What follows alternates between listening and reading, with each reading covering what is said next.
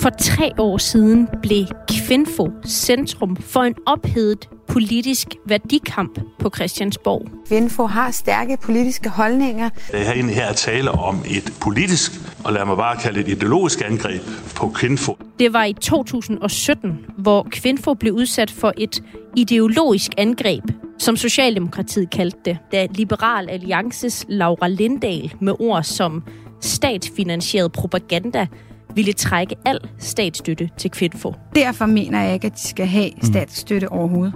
I nogle dramatiske måneder fik Kvinfo fjernet sit bibliotek, blev beskyldt for at være venstreorienteret statsfeminisme, fik trukket støtten til sin mentorordning, og kulturministeren røg i samråd om sagen. Jeg har ingen skjult dagsorden. Det var særligt den daværende socialdemokratiske kulturordfører Mogens Jensen, der advarede imod at, citat, smadre Kvinfos mangeårige arbejde for ligestilling. Når vi har taget initiativ til det her samråd, så er det fordi, at vi kærer os om ligestillingen. Det blev en kæmpe politisk historie. Og nu er Kvinfo igen tydelig i mediebilledet på grund af MeToo-bølgen. Og Kvinfo oplever at blive kimet ned. Partier, mediehuse, virksomheder ringer for at få vores bud på, hvordan de kan arbejde med det her. Det startede med en fysisk flytning af bøger fra en bygning til en anden, altså en flytning af et bibliotek. Og inden da har Videnscenteret Kvinfo ellers fået masser af støtte under borgerlige regeringer. Altså der i de år, hvor Kvinfo fik allerflest penge og voksede allermest, det var under en borgerlig regering. Men under biblioteksflytningen i 2017 delte opbakningen til Kvinfo sig imellem de røde og de blå. Det skabte overskrifter i medierne som et endelig farvel til ligestilling som politisk prioritet, og at der er tale om en, citat, katastrofe for kønsfagligheden og arbejdet med ligestillingen i Danmark. Men blev Kvinfo så smadret i et blot ideologisk angreb, der stækkede Kvinfo? Tværtimod. Ifølge Kvinfo selv. Ja, jeg vil sige tværtimod. Jeg skrev selv om det for Dagbladet Information. Artikler om statsfeminisme og raseri mellem fløjene. Og jeg tænkte, og har egentlig tænkt siden, kan det virkelig passe, at en sammenlægning af bøger og et bibliotek kan smadre så meget? Eller er det bare typisk politik, at en teknisk detalje hurtigt bliver blæst op, bare fordi det kommer fra de andre i Folketingssalen? Nu skal du høre historien om, hvordan Videnscenteret Kvinfo blev centrum for en partipolitisk kamp om ligestilling. Du skal også høre historien om, hvordan en mindre bibliotekssammenlægning blev til en højspændt politisk debat mellem de røde og de blå. Nu er der gået tre år. Biblioteket er igen etableret, og jeg har derfor undersøgt, hvad der er sket med biblioteket, og hvad der er sket med Kvinfo. Jeg hedder Tine Toft, og du lytter til programmet Kampen om Kvinfo.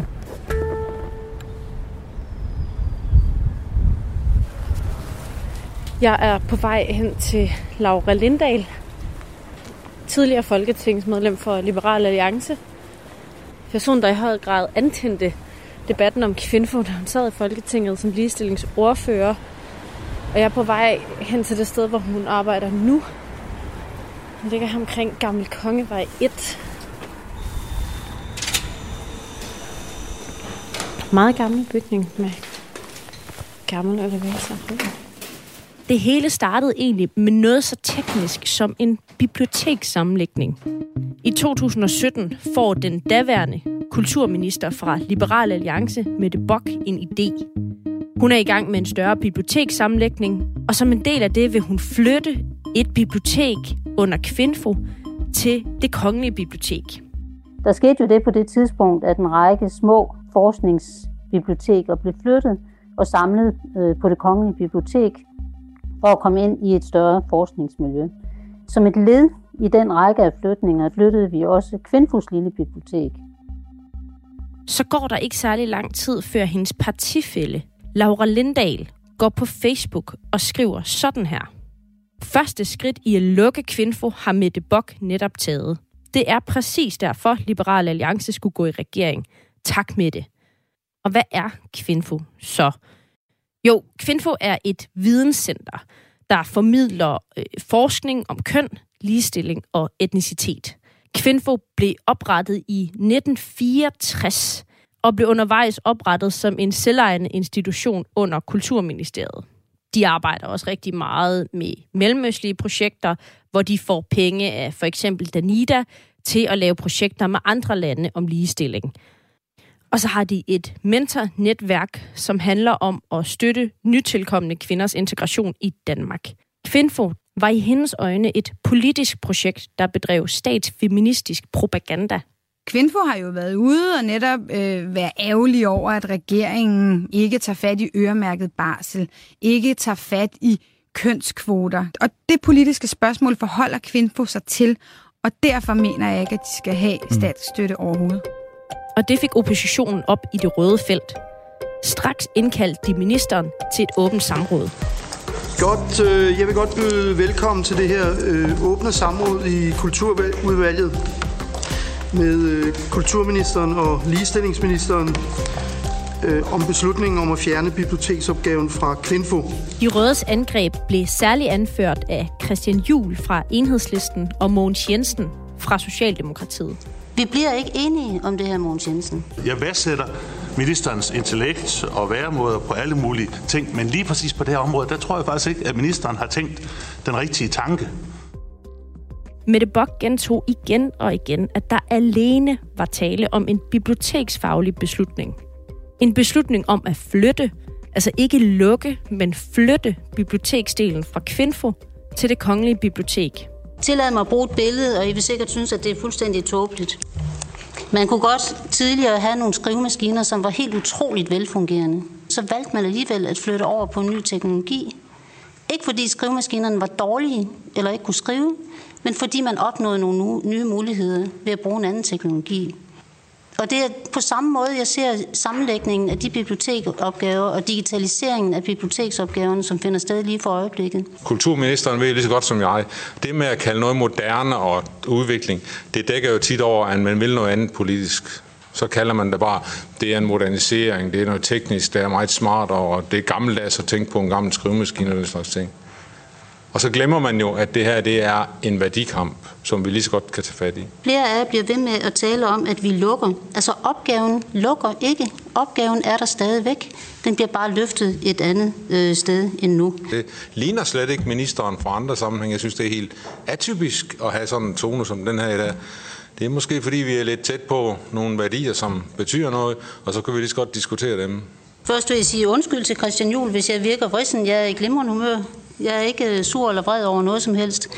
Men når Christian Juhl siger, at i virkeligheden er her jo tale om værdikamp, så vil jeg helt ærligt gerne vide, hvad er det egentlig for en værdikamp? Som om det ikke var nok, besluttede en anden blå minister sig få dage efter for at gå efter den del af Kvinfos arbejde, der har handlet om at skabe et mentornetværk for nytilkommende indvandrerkvinder, der skal integreres i Danmark. Det var Inger Støjberg, som hurtigt meldte sig klar til at sløjfe de cirka 2 millioner, som Kvinfos mentorordning fik i statsstøtte. Og Inger Støjberg kaldte Kvinfo et venstreorienteret organ, og hun blev også hævet i samrådet. Og midt i alt det her skiftede Kvinfo direktør til Henriette Laversen. Jeg tror, det er godt, at jeg er sådan en, der godt kan lide kampen. Fordi det var lidt et moras, jeg kom ind i. Ja. Øhm, men jeg blev, altså jeg blev faktisk hvad skal man sige, advaret, eller fordi det var, Mette Bock havde set stillingsannoncen, som Kvindfru havde slået op, og så kaldte hun den daværende ledelse til møde og fortalte om sin beslutning. Jeg fik en selvstændig besked som en af ansøgerne i bunken, som var relevante, om at Mette Bock havde slukket, øh, øh truffet den her beslutning om at flytte biblioteket. Her tre år efter er Mette Bock ude af politik, og hun ser tilbage på situationen sådan her. Altså nu bliver man jo hærdet som politiker, og der ved man jo godt, at nogle gange så kan et lille sommerfuglevingeslag udløse den helt store orkan. Så, så jeg var lidt forberedt på det, men øh, det var jo altså, helt ude af proportioner efter min bedste overbevisning. Men det udløste jo altså voldsom protest, og blandt andet husker jeg, at der var en helsidesannonce i Dagbladet Politikken, hvor øh, jeg ved ikke, hvor mange fra kulturlivet havde skrevet et åbent brev til statsministeren og til mig som kulturminister. Så det så jo ud som om, at al ligestillingsarbejde og kønsforskning og hvad ved jeg skulle lukke øh, forever. Og det var jo altså på ingen måde det, der var hensigten her. Er der noget specifikt, du kan huske, som blev gjort eller sagt eller skrevet, som du blev særlig mærke i som udtryk for det her? Jeg kunne ikke undlade at notere mig, at der i hvert fald i dele, fra dele af kvindebevægelsens side blev brugt en utrolig hadsk retorik. jeg har en alder, jeg er over 60, så jeg har jo selv været en del af kvindebevægelsen. Øh, og det kom faktisk bag på mig, at, at retorikken var så hadsk, som den var.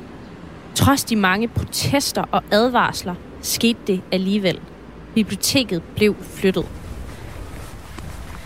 Nu er jeg kommet til bibliotekets nye hjem, som ligger lidt over to kilometer væk fra Kvinfos lokaler. Nu ligger det som en del af Søndre Campus på Amager, som en del af det kongelige bibliotek, der ligger her. Det blæser lidt. Nu skal jeg mødes med Jytte, som var mangeårig bibliotekar for biblioteket, da det var en del af Kvinfo, og som nu er bibliotekar her på Sønder Campus. Og Jytte skal så hjælpe mig med at finde ud af, hvad der egentlig har ændret sig helt praktisk med øh, den her biblioteksflytning, som jo blev kaldt et angreb på Kvinfo for tre år siden.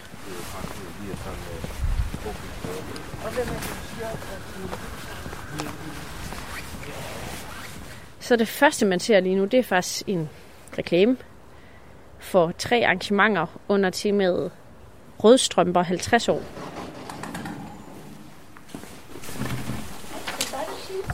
Hej. Ja, det er mig, der er Tine. Goddag. Tak. Er det dig, der er Jytte? Ja. Og Jytte, vil du egentlig ikke lige præsentere dig selv? Jo, øh, jeg hedder Jytte Nielsen, og jeg er informationsspecialist i kønsforskning her på det Kongelige Bibliotek. Og før det, der var jeg biblioteksleder på Kvinfo i 25 år. Skydedør, var der også det på Kvinfo? Nej, ikke den slags skydedør. Ja, og her står vi så i øh, vores store universitetsbibliotek på Sønder Campus. Og her i loungen, der har vi så lavet vores øh, rødstrømpeudstilling, som hænger hele vejen rundt. Og du kan se helt op for oven, der hænger et stort banner. Ingen kvindekamp uden klassekamp, ingen klassekamp uden kvindekamp. Som er typisk det banner, som går forrest til 8. marts demonstrationerne her i København. Det først det første, man ser, når man kommer ind her. Det er et kæmpe rødt banner. Ja. Med rødstrømpe-slogan. Ja, lige præcis. Igen, det er også noget af det første, man ser, udover at der hænger røde plakater over alt som del af den her udstilling og et stort rødt banner. Så det første, der går op her, er sådan en håndbogssamling for kønsforskning. Altså er det dig, der styrer lidt det her biblioteket? Øh, nej, det er det ikke. Men, øh, men jeg har jo fået, hvad skal man sige, nogle særlige muligheder, fordi det kongelige bibliotek har overtaget kønsforskningsservicen. Og du har så udnyttet den mulighed til at gøre det til det absolut mest dominerende og første, man ser, når man kommer herind. Skal vi lige kigge lidt bare på øh, udstillingen her? Altså, oh, hvad er det for et billede, det der i bussen? Det er sådan sort-hvid, hvor der sidder kvinder i en bus. Hvad er det for noget? Ja, det var en aktion, øh, som Rødstrømperne lavede på Mors Dag i 1970. Og de lavede en aktion for ligeløn, og de øh, øh, hoppede, sprang på en bus, og så nægtede de at betale mere end 80 procent af billetten, fordi det svarede til den lønforskel, der var mellem mænd og kvinder på det tidspunkt. Og så øh, kom politiet og bare rydde bussen og bare kvinderne ud af den. Mm. Og tog dem med på stationen. Vi skal på en eller anden måde jo også finde ud af, hvad forskellen er. Ja. Øhm, kan man starte med at sige, hvor mange bøger er der her om kønssager, kønsforskning, i forhold til, hvor mange der var før? Altså, hvis vi taler om både fysiske bøger og digitale bøger, fordi det kongelige bibliotek køber jo primært digitale e-bøger i dag, så er der jo mange, mange flere bøger, selvfølgelig her på det kongelige bibliotek, end vi havde på Kvinfo. Det er klart. Øhm, altså, mange, mange flere. Øhm, det, der jo er det særlige ved det kongelige bibliotek, det er jo, at man skal være 18 år for at bruge det. Og det vil sige jo, at øh, den målgruppe, som vi også servicerede rigtig meget på Kvinfo, nemlig øh, dem, der gik i gymnasieskolen, 1. og 2G, 3. G, de når jo lige at blive 18, så dem kan vi godt servicere her. Og så alle folkeskoleeleverne, de har jo ligesom ikke adgang til øh, det kongelige bibliotek. Og hvor meget af din tid brugte du på dem før? Rigtig, rigtig meget tid. Altså jeg kan huske, at jeg lavede nogle opgørelser der det sidste år, jeg var på Kvinfo inden fusionen. Og der tror jeg, jeg havde omkring 100 grupper af folkeskoleelever indenover. De her klasser, kom de meget fra København, eller kom de fra hele landet? Altså, de kom jo selvfølgelig primært fra Sjælland. Men vi havde altså også grupper, som kom fra Jylland. Men ellers så tog vi det over telefonen. Så hvis man nu i dag er, lad os sige, man går i første 2G, og man skal lave en eller anden opgave om noget med køn, så kan man ikke få det, man fik før? Altså det kan du jo indirekte, kan man sige, fordi at vi har jo et lånesamarbejde med folkebibliotekerne, så det vil sige, at de kan gå på deres folkebibliotek, og så kan de bestille bøger fra det kongelige bibliotek. Hvad er forskellen så? Jamen altså forskellen er jo, at, at øh, vi jo vejledte dem. Altså det vil sige, de får ikke en person, som er ekspert inden for det her felt. Det kunne de jo dengang. Der er også lige noget, jeg stusser over her. Her hænger en sang, kvindesagen, melodi, sov dukke Lise. Mm-hmm. Ja. Den, den kan jeg ikke. Kan du synge første vers? Det kan jeg godt. Jeg skal bare lige hen, så jeg kan se. Ja. Vågn lille Lise, vågn og stå op. Syng til vi vækker samfundets top. Bryd fra dit fængsel, vågn og stem i. Slut er din trængsel, vågn og bliv fri. Okay, var det sådan en klassisk sang? Altså det, det der var kendetegn for Røstrømbevægelsen, det var jo, at de sang vanvittigt meget, og de skrev sindssygt mange sange. Og den her sang er så lavet til øh, den her ligelønsdemonstration. de lavede lejlighedssange hele tiden. Kan jeg få dig til at synge et vers mere, måske det næst sidste? Det næst sidste, ja.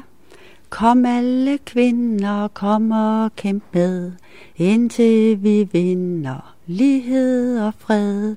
Nu har vi ventet denne gang med, vi kræver ret og rimelighed. Det var altså det her indhold, der var ballade om for tre år siden. Det lever nu sammen med Jytte Nielsen i nye rammer, men det blev gjort til en værdikamp om kønsforskning, ligestilling og kvindfo, da Laura Lindahl blandede sig i debatten. Hej. Bare herind. Skal jeg lukke døren? Ja, vil du have en kop kaffe eller noget? Øh, vand, måske. Det vil være meget godt. Jamen, øh, jeg sidder her i øh, min øh, lille virksomhed. Det er en forening, øh, der arbejder med dansk facility management. Men du er ikke helt ude af politik? Jeg sidder stadig i kommunalbestyrelsen på Frederiksberg for Liberal Alliance. Så jeg er ikke helt ude, men jeg er ude af, af landspolitik, og, øh, og er nu helt som alle andre, der sidder bare og øh, læser på nettet, hvad der foregår. Hvordan er det? Det er rigtig rart. Øh, især lige nu, hvor at, øh, der simpelthen øh, kører øh, vilde sager, bliver man mindet om, øh, hvor hårdt politik er. Så du savner det ikke lige de her dage? Nej, jeg savner ikke at være i politik lige nu. Vi skal jo snakke lidt om kvindfo, fordi det i høj grad var dig, der fik antændt den debat, som handlede om en flytning af noget med et bibliotek, men som endte med at blive en værdikamp. Hvorfor gik du ind i det? Jamen for mig var det faktisk et spørgsmål om en principiel rimelighed i at bede øh, danskerne om at betale, uanset hvad man selv mener, til en sag, som er politisk. Jeg har tidligere nævnt eksemplet med CEPOS, som jo er en tænketank, som jeg personligt støtter op om, øh, men som jeg aldrig nogensinde kunne bede andre mennesker om at betale til. Øh, tvinge andre mennesker til at betale til, fordi jeg er godt klar over, at den er politisk. Og jeg har ikke noget problem med Kvinfo. Jeg har et problem med, at jeg bliver tvunget til at betale for Kvinfo, fordi Kvinfo repræsenterer ikke mig. Og det er helt fair, at der er organisationer, som påstår at repræsentere mig, hvor jeg ikke mener, at de gør det. Det er bare ikke fair, at jeg skal betale for dem. Og noget, som jeg har kritiseret Kvinfo for, det er, at de har for eksempel aldrig nogensinde fremlagt det studie, der viser, at kvinder reagerer hårdest på topskatten. Og hvis man nu var en helt neutral, et neutralt videnscenter, som gerne vil fremme debatten og have nuancerne med, så vil man jo også have taget fat i sådan et studie og sagt, det er da interessant, lad os da kigge på det. Men det vil Kvinfo ikke, fordi Kvinfo er politisk. Det jeg også er frustreret over med Kvinfo, det var jo, at de ikke forstod mig. Der er vel mange borgerlige, som har det ligesom mig, der synes, at øh, ligestilling, ah, der er vi da, og jeg er vokset op med en bror, og jeg har da aldrig tænkt, at han var mere værd end mig. Så tror jeg langt de fleste af vores generation har det. Så det der med, at de ikke forstod mig og ikke ville anerkende mig, men alligevel skulle jeg føle mig som kvinde i 30'erne sådan repræsenteret ved dem, synes jeg var mærkeligt. Øhm. Der sker ret meget nu, du har selv været inde på det med MeToo, med radikale, med Frank Jensen, alt hvad der sker. Øh, hvorfor er det ikke lige præcis nu, at vi har brug for at smide nogle penge i et videnscenter, der beskæftiger sig med for eksempel, hvordan man på en arbejdsplads kan lave en politik, hvor man imødekommer de problemer? Jamen det er det nok også. Øh, det vil jeg egentlig ikke. Øh, hvis, hvis man til den her års øh, finanslov øh, afsatte nogle midler til et videnscenter, fordi man ligesom skal blive klogere på, dykke ned i det, undersøge det, øh, så vil jeg sådan set ikke øh, tænke, at det var mærkeligt, men, øh, men det er bare ikke det, jeg ser Kvinfo være. Er det ikke en meget god vindersag at spille flere penge i dem?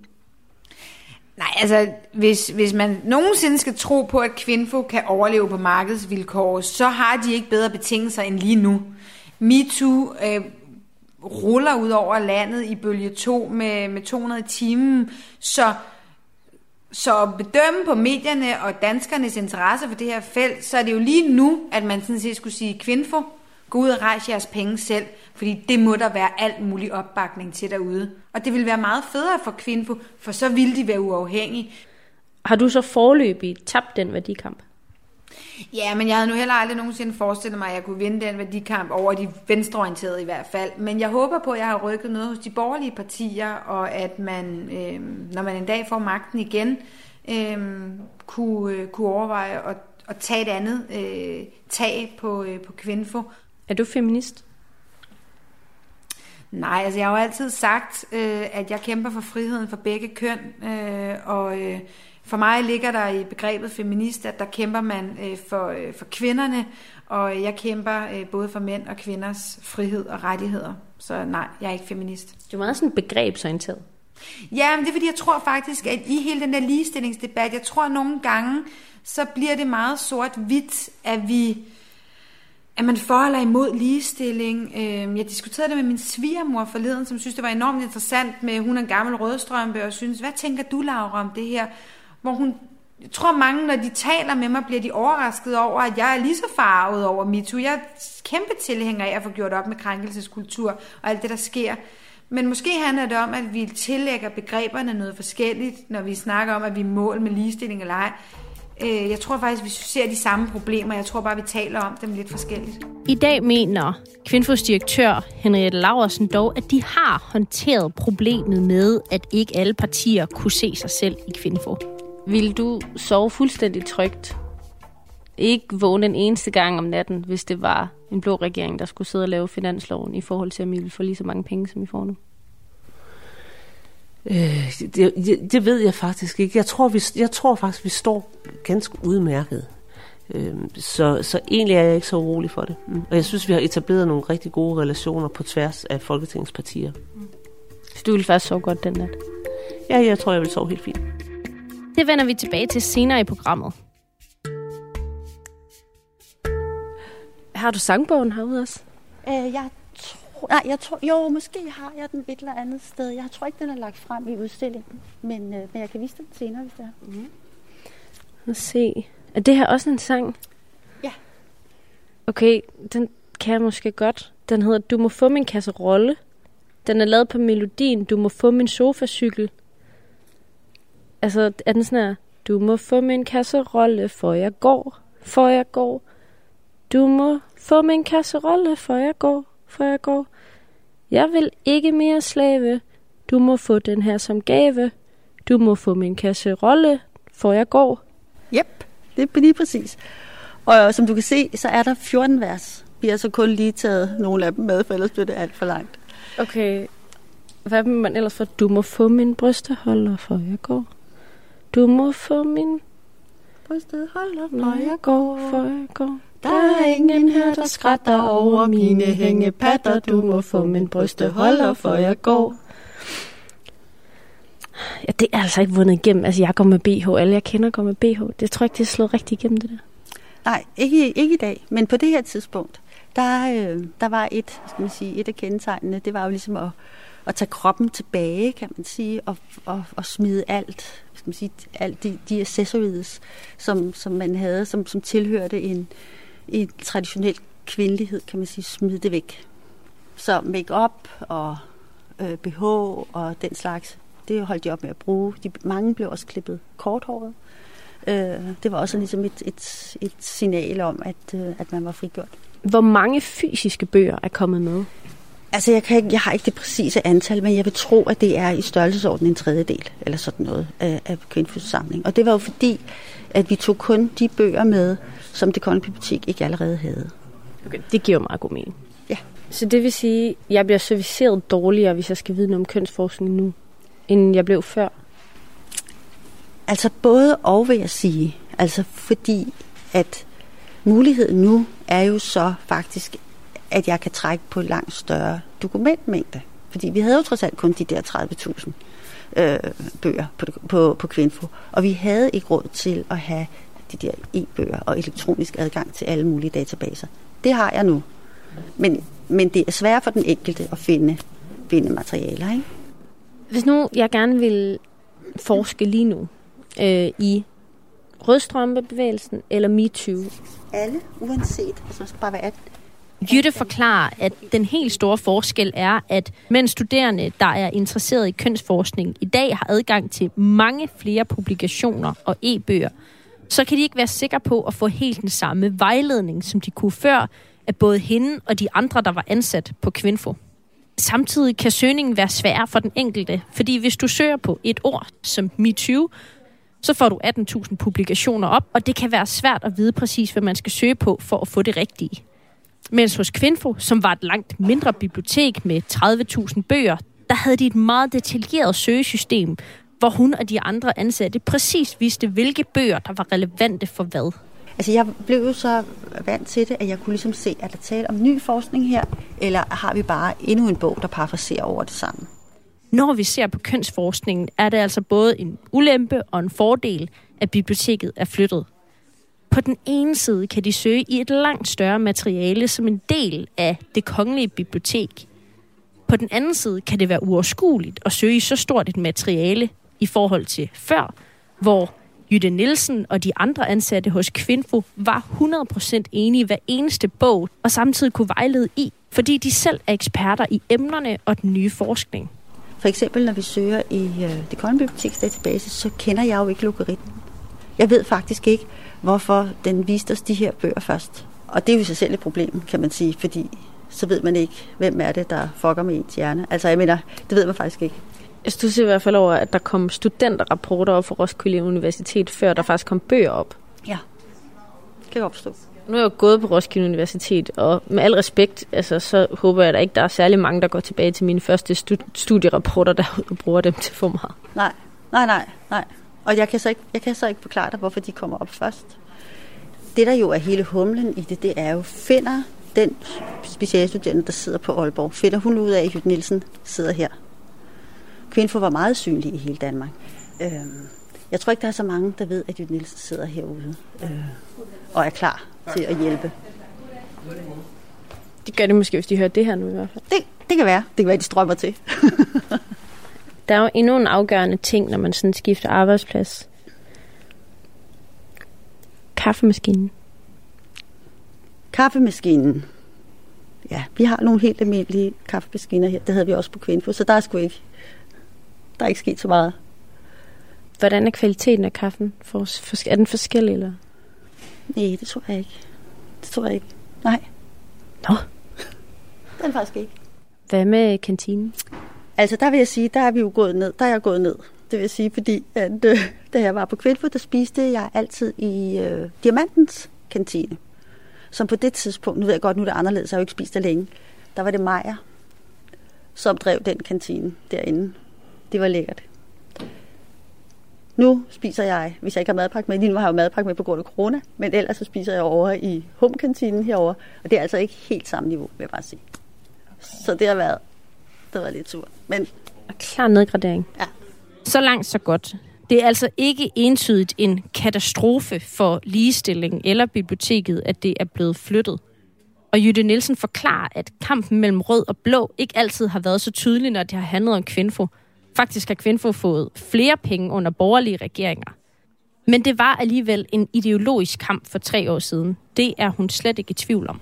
Synes du kampen om Kvinfo for tre år siden, da der blev skåret på biblioteksdelen og mentordelen, var en kamp mellem de røde og de blå? Ja, det blev det jo til. Var det ikke også en usikker situation at være i? Du arbejdede på Kvinfo hvis det afhang af et flertal? Nej, så har jeg ikke rigtig oplevet det.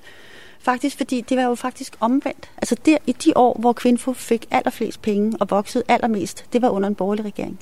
Så det var ikke en ideologisk kampplads tidligere? Nej. Men det er klart, at, at der har været, altså hvad skal man sige, i det politiske landskab, og det er ikke bare Christiansborg, der er af en eller anden grund, at det med ligestilling blevet til øh, en venstreorienteret dagsorden. Det synes jeg er mega, mega ærgerligt. Men sådan, er det, sådan blev det. Sådan var det jo ikke før. før altså det starter der i 90'erne med at blive en meget øh, ideologisk kamp, øh, også i Folketinget. Indtil da, der er alle ligestillingslove, øh, lige på nær Fremskridspartiet, er alle ligestillingslove stemt igennem øh, af et bredt flertal. Øh, og hvor man ikke kan se, om det er en rød eller blå faktisk øh, regering, der har foreslået det. Men så sker der altså en polarisering, øh, hvor at det bliver, altså skal man sige, ligestilling bliver, bliver et politikområde, som, som øh, der er uenighed omkring. Ikke? Var det et ideologisk træk at flytte biblioteksdelen, eller var det en biblioteksfaglig beslutning? Det var helt klart en ideologisk øh, beslutning. Det, det er jeg slet ikke i tvivl om. Og selvom Mette Bock sagde, at det ikke var? Ja, absolut. Hvordan kan du være så sikker på det? Fordi at der ikke øh, ligger nogen som helst dokumenter i, i øh, Kulturministeriet om det biblioteksfaglige del.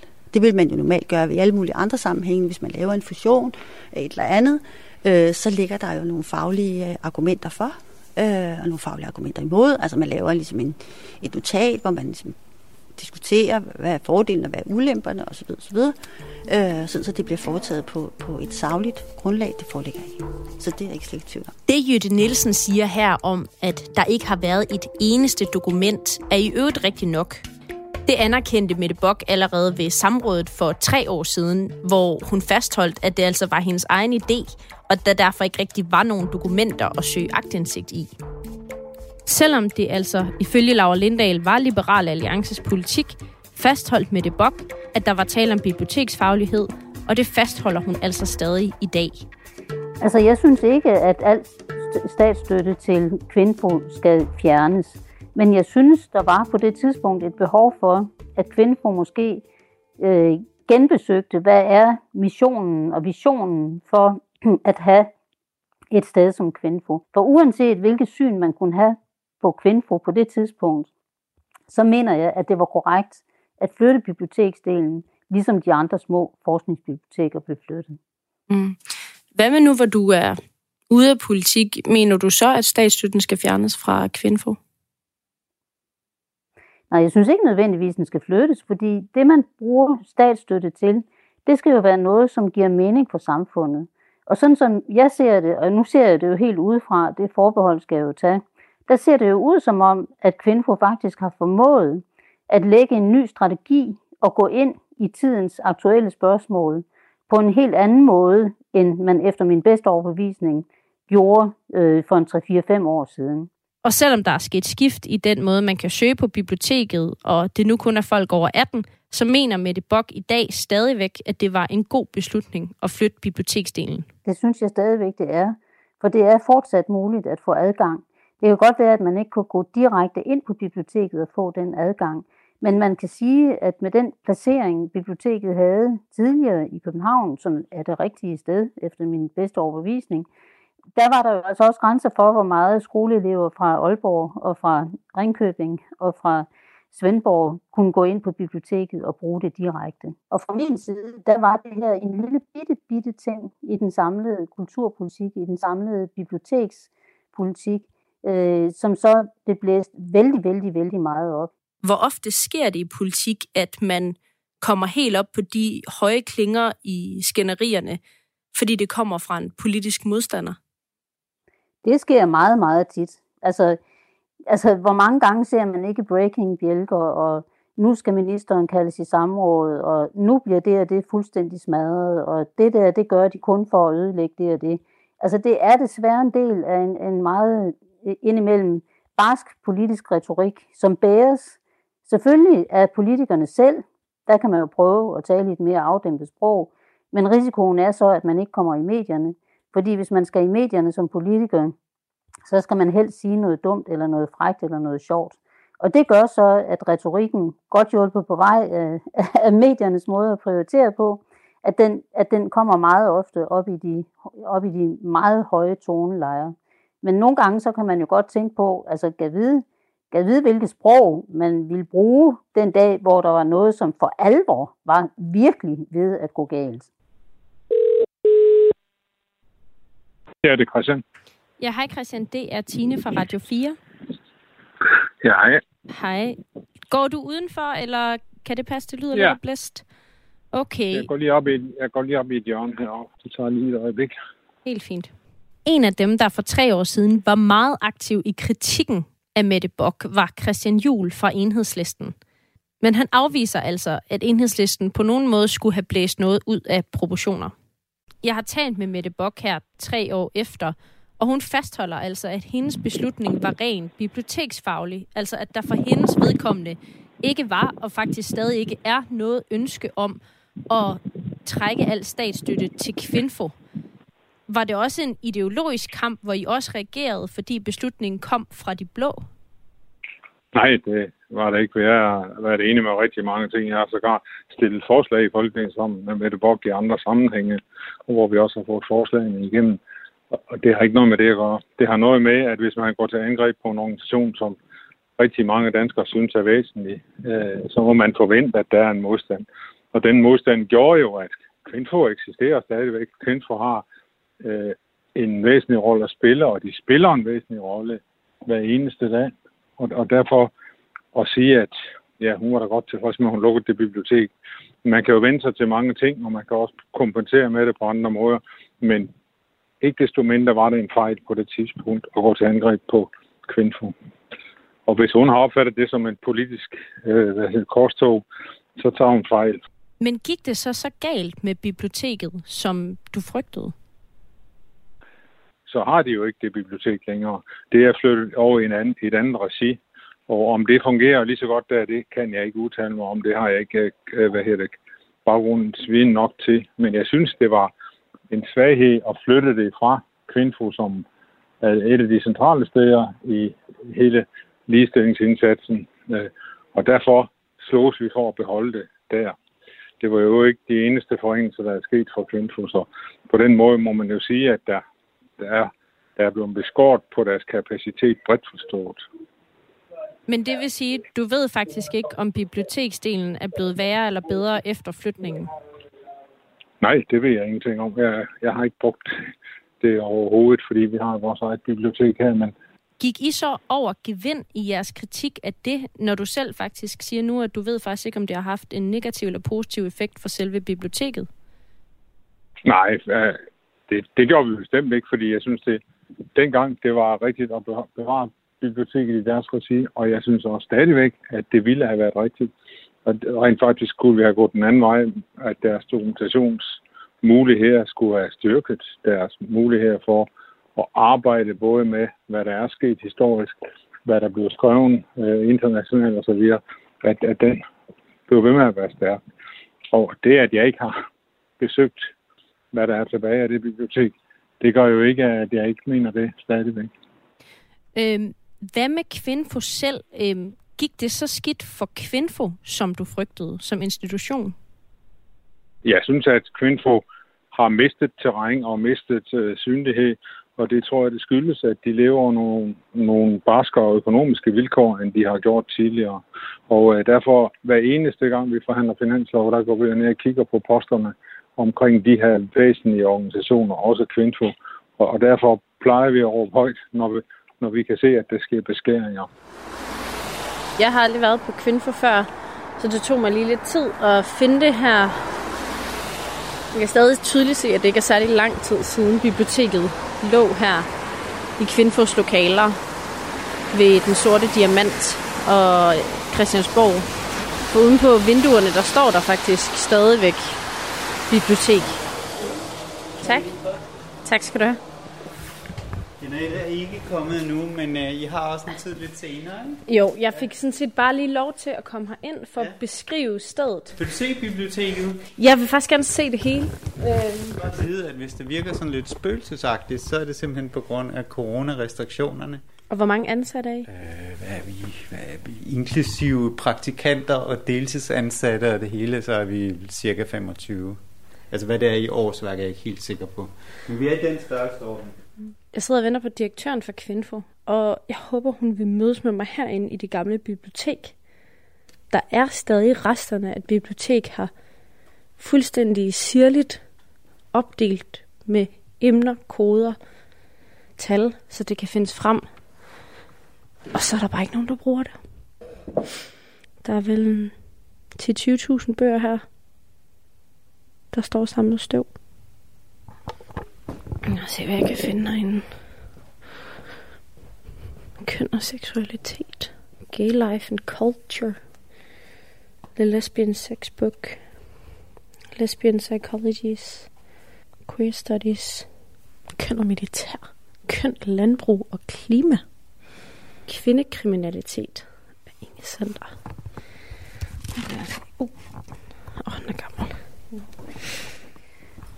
Jeg håber, det er okay, vi sidder herinde. Det er så fint. Godt nok, fordi det handler jo også om biblioteket, så jeg tænkte, det var meget logisk. Ja. Det er fint. Jeg har fået en rød øh, ligestilling mellem kønnene kop. Det var godt. Ja, så må jeg nøjes med verdensmålskop. Ja. Jeg ved faktisk ikke, om du kan huske det, men vi talte faktisk sammen lige da du var blevet direktør. Ja. Jeg arbejdede på information på det tidspunkt, og jeg har faktisk taget det interview med, og øh, har spørget dig om, hvad betyder det at flytte biblioteksdelen?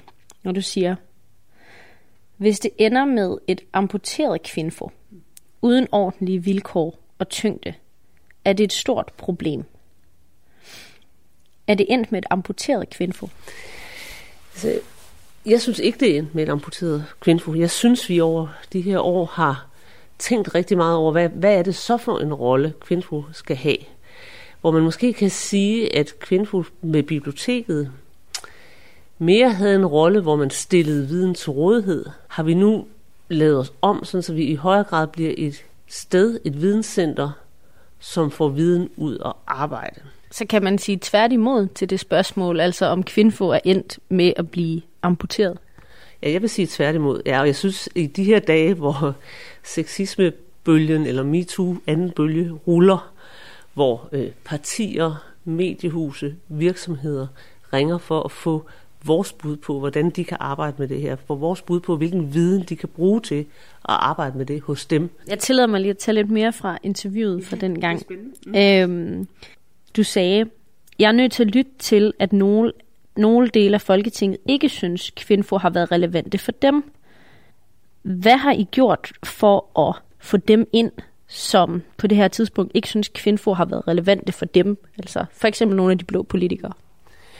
Det første, jeg gjorde, da jeg satte mig i stolen som direktør, var i virkeligheden at forsøge at få møde med øh, folketingspolitikere, deres ligestillingsordfører, kulturordfører og andre øh, fra alle partier. Så for det første har vi, altså, har vi lyttet øh, og fået de gode råd, og derudover så har vi, så gør vi jo det, at vi, uanset hvilken farve regeringen har, så har vi stadigvæk det mål for øje at fremme et frit og et ligestillet samfund. Og det vil sige, at der er nogle ting, man kan arbejde med, når det er en blå regering, og der er nogle ting, man kan arbejde med, når det er en rød regering. Og der prøver vi selvfølgelig at servere det, vi nu kan, for hver af dem, på, sådan så de inden for deres politiske ståsted alligevel kan fremme den her dagsorden. Er der så noget, du gemmer i ærmet lige nu til, hvis der kommer et regeringsskift, der kommer blå til igen? Jamen altså, jeg, jeg synes, billedet har forandret sig meget, siden vi lavede det interview, du henviser til. Fordi nu har vi jo altså øh, Dansk Industri, Dansk Erhverv, Nationalbanken ude og sige øremærket barsel. Øh, alle har glemt, at vi også har sagt det i mange år, men, men nu er der faktisk nogle af de spillere, så, så på den måde er der faktisk nogle andre, der er i gang med at rykke ved, ved den blå politik på det her område. Hele øh, sagen her om seksuel chikane, og det, det, det er jo heller ikke sådan, så den er særligt partipolitisk. Alle er godt klar over, at det er en kultur, der er i de aller, aller fleste partier, og, og derfor kan der godt være nogle nuancer, Altså, vi øh, advokerer i øjeblikket for et styrket arbejdsgiveransvar, og den vil vi måske synes var mindre realistisk at få igennem, hvis det var en blå regering, der sad der. Hvorfor? Ja, fordi øh, lige så snart man siger styrket arbejdsgiveransvar, så er det noget med at, at, at kræve mere af virksomhederne, mere byråkrati, og vil der måske være nogen, der vil sige, osv. Så, så, videre. så det, det der, og der, det er den blå øh, side af regeringen ofte ikke så øh, vild med. Men derfor ville, kunne, kunne vi sikkert lave andre ting. Når man så ser på det her, altså, er I så blevet mere aktivistiske?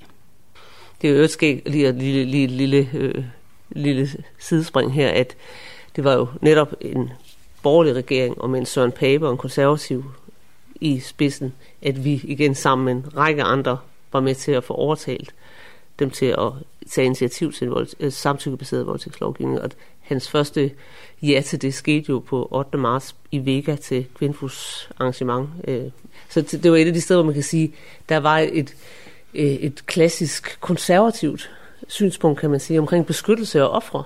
Og der var faktisk så en farbar vej øh, for noget, som var en klassisk ligestillingsdagsorden i virkeligheden. Det, hvor vi, øh, der, hvor vi har forandret os, det er i forhold til, især i forhold til det, man kunne kalde politisk interessevaretagelse. Det er så ikke, det er ikke partipolitisk interessevaretagelse, men det forhold, at vi ønsker at skabe nogle forandringer i retning af et mere ligestillet samfund. Er I så blevet mere aktivistiske? Jeg tror ikke, vi er blevet mere aktivistiske. Vi, øh, men det er det, jeg siger, vi, jeg tror, vi i højere grad bruger viden til at skabe forandringer. Kan man sige, at, den, at I nærmest står stærkere? Øh, ja, altså jeg, jeg, jeg tror altså, og det, og det er jo det, der nogle gange er ved benspænd, øh, at vi i hvert fald har fået gjort os mange tanker om, hvad, hvad er det så for en ny rolle, vi skal udfylde. Nu siger du selv, at I bliver kimet ned af alle mulige, der har brug for jer lige nu. Øh, hvorfor skal I så have statskroner, hvis der er så stor efterspørgsel? Hvorfor kan I så ikke få pengene ind privat i stedet for? Det kan vi måske også i et vist omfang. Vi er bare nødt til at være sikre på, at vi kan opbygge, og det er måske det, der er den offentlige opgave, en vidensbank. Altså være nogle af dem, som holder øje med, hvad kommer der ud af ny øh, litteratur, ny forskning på det her område, og hvordan kan det spilles ind i praksisområdet? Har I et konkret mål om, at øh, om to eller tre år, der skal I være delvis finansieret af private og andre, så det ikke er staten, så I ikke er afhængige af, hvilke partier, der skal lave den næste finanslov? Vi har et, øh, et mål om at differentiere vores funding streams, vil man sige sådan på godt dansk, ikke? yderligere. Så det vil sige, at vi ønsker ikke udelukkende at være afhængige af øh, den bevilling, vi har under Kulturministeriet, Integrationsministeriet osv. Det vil sige, at vi søger fonde øh, til vores arbejde. Vi øh, lader os betale for noget af det arbejde, vi udfører for virksomheder. Vi laver jo også et stort stykke internationalt arbejde, og her går vi også efter øh, andre penge, end dem vi umiddelbart får fra Udenrigsministeriet. Om Kvinfo igen kommer ned på en støtte på niveau med Mette Bok-niveau, som direktøren kalder det, det bliver afgjort i de næste måneder på finansloven. Øh, håbefuldt, så får Videnscenteret på finansloven næste år 8 millioner kroner i alt. Vi står lige nu til 3,6. Hvad betyder det for Kvinfo, hvis I ryger tilbage på Mette Bok-niveau? Jamen det, det betyder, at vi ikke kan drive et videnscenter om køn med mening. Så I står, nu står du igen i en kamp? Ja, nu står jeg igen i en kamp, og ved en alvorlig skillevej, fordi det er også klart, at vi kan ikke, altså, vi kan ikke bygge noget op, som vi har gjort for et enkelt år. Nu er vi blevet styrket her i 2020, og så skal vi til at rive det hele ned igen. Så kan vi ikke blive ved med at drive virksomhed. Så det er en form for skillevej. Nu må politikerne vise, at de har set, at vi er øh, alle pengene værd. Mm. Mm. Gør det her, at du får endnu mere lyst til, at I skal have flere private penge? Jamen, jeg tror, at det er fornuftigt af os at forsøge at differentiere vores funding. Øh, jeg synes også, det er rimeligt, at når vi laver noget for øh, virksomheder og andre, at de så øh, også øh, honoreres for det, og at det ikke er staten, der betaler for det. Selvom Kvinfo mener, at der er blevet lagt lov på de partipolitiske uenigheder, så har jeg ringet rundt til en række ordfører, og har tegner der sig altså stadig et billede af, at spørger man enhedslisten, SF og radikale, så er de helt klar til at kaste flere penge efter Kvinfo. Særligt i lyset af MeToo og i de finanslovsforhandlinger, der starter lige om lidt i november og skal være på plads i en jul. Her er det Samia Nava, der er ligestillingsordfører for Radikale. Jeg mener, Kvinfo fagner hele Folketinget, og de er udtryk for en faglighed, der er på kønsområdet, øh, og derfor så skylder vi jo også at hvis vi vil viden og forskning og støtte organisationer som for eksempel Kvinfo. Og det bliver bakket op af Astrid Karø fra SF. Jeg synes ikke, at Kvinfo er partipolitisk. Jeg synes, Kvinfo er en enormt vigtig øh, vidensbank for køn og viden om køn.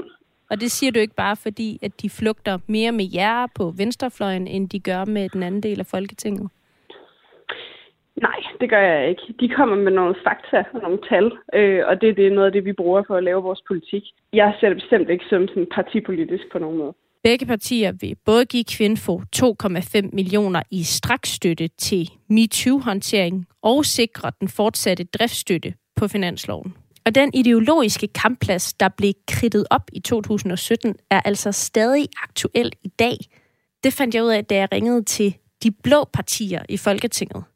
Og de er altså noget mere lunkne til deres opbakning til Kvinfo. Herfra ligestillingsordfører Liselotte Blikst fra Dansk Folkeparti. Man giver støtte til Kvinfo, men vi har ikke støtte til noget mandbo. Når jeg taler om øh, ligestilling, så burde det gælde begge veje. Og det er som om, at når man øh, kigger på Kvinfo, så er det kun den ene vej, man kigger, og den, det er ikke den, som passer til det borgerlige Danmark, synes jeg. I hvert fald i, i vores side af, af Folketinget. Og Fatma Øgtem, ligestillingsordfører for Venstre. Jamen, så kan de nok ikke helt komme af med, at de har altså øh, nogle interesser og, og melder nogle ting ud, der bliver lidt ens med øh, den ene fløj øh, af, af Folketinget. Og det synes jeg faktisk er rigtig, rigtig ærgerligt, fordi Kvinden laver rigtig mange gode ting. Men øh, det, er det er en beslutning, de har taget, og de melder ud øh, politisk, øh, hvad der skal ske, og hvad de synes, der skal gøres. Og når det bliver ved med at være i overensstemmelse med de røde partier, jamen så er det svært at ikke sige, at de uh, tager side.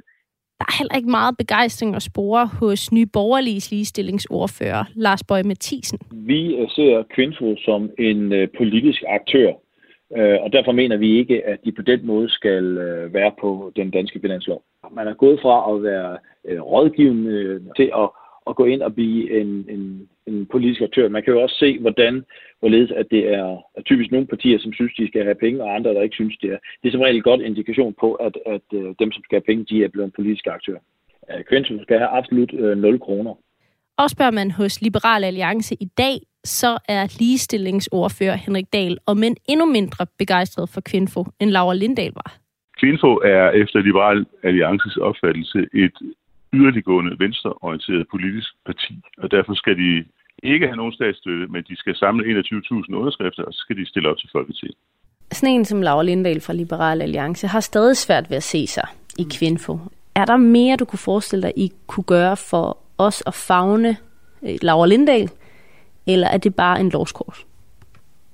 Jeg synes, den klassiske, eller det, har jo, den klassiske clash har jo i virkeligheden været øh, hvis man er liberal, så skulle familierne have lov at vælge selv, for eksempel når vi taler om barselsårlov. Øh, og jeg, altså, jeg oplever virkelig, der er meget andet, der binder familierne. Altså, at der, så når jeg, jeg synes også, vi er faktisk enige, jeg synes også, at familierne skal vælge selv. Men jeg kan bare se, og det er jo rigtig godt tænke mig, at jeg også kunne få Laura Lindahl til i virkeligheden at se, at der er nogle øh, lønmæssige forskelle, der gør, at man ikke bare kan sige, nu, nu tager, altså meget ofte i familier, gennemsnitlig lønforskel, der gør, at, at, at man kan ikke bare vælge, hvem der tager barslen eller tager mest barsel. Det er den, der får den laveste løn. Hvem er det typisk? Det er typisk den fødende eller moren. Ikke? Øh, der er nogle ambitioner øh, i vores kultur, vores samfund omkring den perfekte mor, der gør, at møder meget ofte også ønsker det meste af barslen. Der er nogle, en latterliggørelse ude på arbejdsmarkedet af fædre, der ønsker meget barsel. Så der er alle mulige faktorer, der spiller. Så, så på den måde kan man sige, at det vi måske er uenige om, det er jo i virkeligheden, hvad det frie valg er for noget. Og læg mærke til vores vision om et frit og et ligestillet samfund. Altså et frit samfund, det er jo lige ned i en liberal løbbane, om man så må sige. Og det handler jo om, at vi heller ikke synes, at man skal være spundet ind i alle mulige forståelser af køn, der begrænser ens egne udfoldelsesmuligheder, og som begrænser talentet derude.